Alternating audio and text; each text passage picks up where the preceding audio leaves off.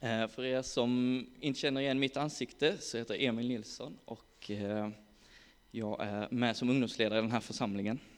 Eh, 2013 när jag flyttade hit så började jag en bibelskola och så sa jag till Gud att nej, jag är färdig med det här med ungdomsarbete. Jag har, har varit ungdomsledare i, i högstadiet, gymnasiet och efter gymnasiet. Nu ska jag göra något nytt. Eh, 2023 så står jag här och Gud har sina vägar. Han, eh, jag kunde inte släppa kärleken och längtan efter att se ungdomar växa, att vara med i lärjungaträning. Ehm, på olika sätt så har jag försökt undvika det då i början, men eh, det gick liksom inte. Kärleken fanns där, jag kunde inte se bortom den. Ehm, och när jag tittar på det så är det med det här temat stor tacksamhet att, att Gud har lett mig genom de här åren. Eh, för jag har behövt Gud så mycket i det arbetet. Eh, eh, och vi har spelat upp ett drama här. Men vad har det här dramat med tacksägelse att göra? Det handlar ju om en person som, som försöker passa in, som tar på sig masker, som försöker sätta upp fasader för att, för att passa in. Inte menar vi väl att vi ska vara tacksamma för att vi har saker och ting att gömma oss bakom. Saker och ting att känna oss trygga i eh, för att passa in. Nej, självklart inte, utan vi vill visa på tacksamheten över vad Gud kan göra i våra liv. Eh, och återkommer till det här med tacksamhet.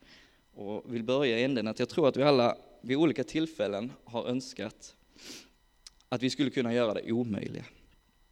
Att vi till exempel skulle kunna flytta berg. Det dyker upp problem som vi känner, oh, jag vill bara bli av med det här problemet. Det här problemet tynger mig. Eller vi sitter i en relation, en vänskapsrelation, ett förhållande eller någonting som, som är jobbigt, vi hittar ingen väg ut. Eh, som är komplicerade. Eh, och vi önskar att de bara var lösta och att de tedde sig tämligen enkla. Um, och när jag förberedde mig inför det här så läste jag en artikel eh, och jag tänker att jag ska citera utifrån den. Tacksamhet kan flytta berg och sätta oss fria från det fängelse av jämförelse som vi har byggt upp. Så att vi kan förändra kulturen och atmosfären där vi är. Jag tror att, att vi får komma inför Gud med våra liv och han får, får jobba med oss att vi får ta bort våra masker och våra fasader och få visa på hur saker som är bra i våra liv, att det kan leda till en tacksamhet. Precis som Nadja delade i sitt vittnesbörd hur Gud fick jobba med henne och fick visa henne under resan och fick bygga upp en tacksamhet.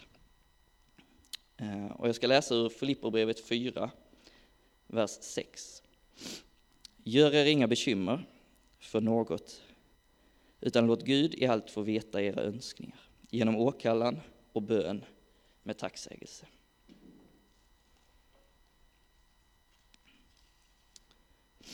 Den oro och de problem vi går och bär på, eh, de kan skilja sig väldigt mycket åt beroende på vilket perspektiv som vi har på problemen. Vi kan ha olika filter för, eh, eller olika glasögon som påverkar hur vi ser på livet våra tankar, hur mycket vi tänker på olika saker eller hur mycket vi oroar oss för någonting, förstorar ibland de här problemen. Eh, och de här problemen vill vi ju undvika. Eh, och här i Filipperbrevet 4 och 6 så säger Gud att vi ska inte oroa oss för någonting, utan han vill hjälpa oss att ta bort våra filter och se problemen eller verkligheten ur hans perspektiv. Och att det perspektivet kan sätta oss fria. Inte på något sätt genom att förminska att vi går och bär på känslor. Jag tror att det är viktigt att vi får känna. Men tyvärr är det nog så att våra känslor är verkligen inte alltid rotade i den verklighet som Gud vill ge oss. Eh, och det är här jag någonstans vill komma tillbaka till tacksamheten. Att det fokus eh, som vi har för olika saker och ting när vi oroar oss för det. om vi får släppa det och fästa på vad Gud har gjort för oss och gör och kommer att göra, eh, så tror jag att det kommer hända saker och ting i våra liv. När vi får jobba på tacksamheten. Eh, för jag tror att den, jag tror att, att tacksamheten sätter dig också fri. Det hjälper dig inte bara att lösa problemen här och nu. Jag tror att den kan sätta oss fri från jämförelser av olika slag. Det är så lätt att gå in och säga om bara jag hade gjort det där, eller om bara jag hade det där, eller om jag hade sluppit det här problemet, eller om jag hade, ja, ni förstår. Eh, och, jag vill läsa ur psalm 139, 139 där.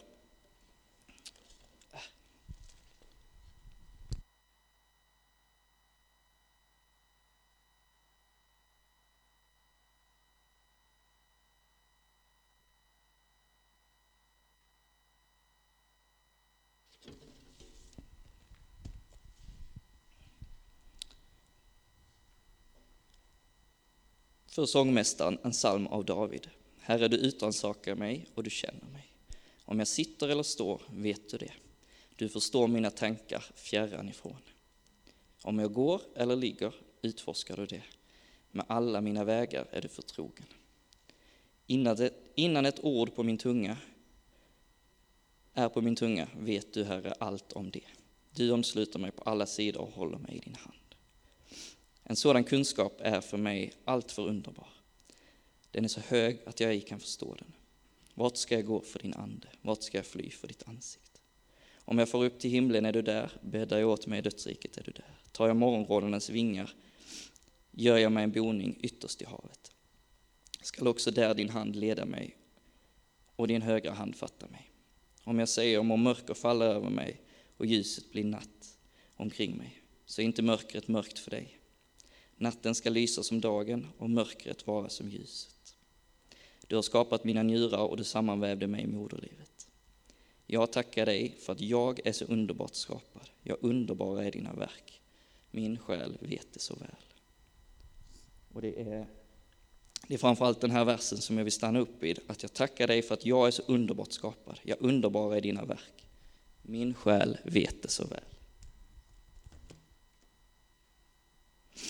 Den här versen, den får hjälpa oss att ändra vår syn på oss själva. Eh, så att vi får perspektivet som Gud har. För jag tror att genom våra liv så kan vi få reflektera Gud och vi kan få vidröra hans hjärta. Genom att vi tackar och lovprisar Gud. Eh, och Gud ser på en stor tacksamhet över oss. Det står mycket på flera andra ställen i, i Saltaren om, om tacksamhet. Och, och jag har fått uppleva i mitt liv att när jag tackar Gud så vänds min blick många gånger från det som, som varit jobbigt, jag fylls med en glädje. Och ju mer jag fyller mig med honom, och desto, desto mer tacksam blir jag. Eh, och det får skapa en längtan efter att lära känna honom ännu mer. Men det är väl inte så lätt att bara vända och börja bli tacksam i livet. Hur gör jag det? Jag tror personligen att tacksamhet faktiskt är någonting som man kan välja att vara.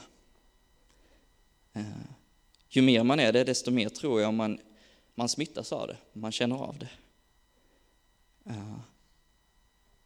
Jag vet att det inte är enkelt, men jag tror att precis som med andra saker i livet så är det övning som är nyckeln. Att, att ta små steg och framförallt att ta hjälp av andra och se på andra.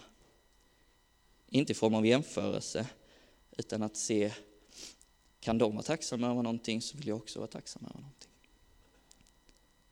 Uh, och någonting som gjorde mig väldigt, väldigt glad, det var inför den här gudstjänsten så skickade vi ut till gamla före detta ungdomar i ungdomsgruppen och frågade hur skulle du vilja beskriva vad KI betyder för dig?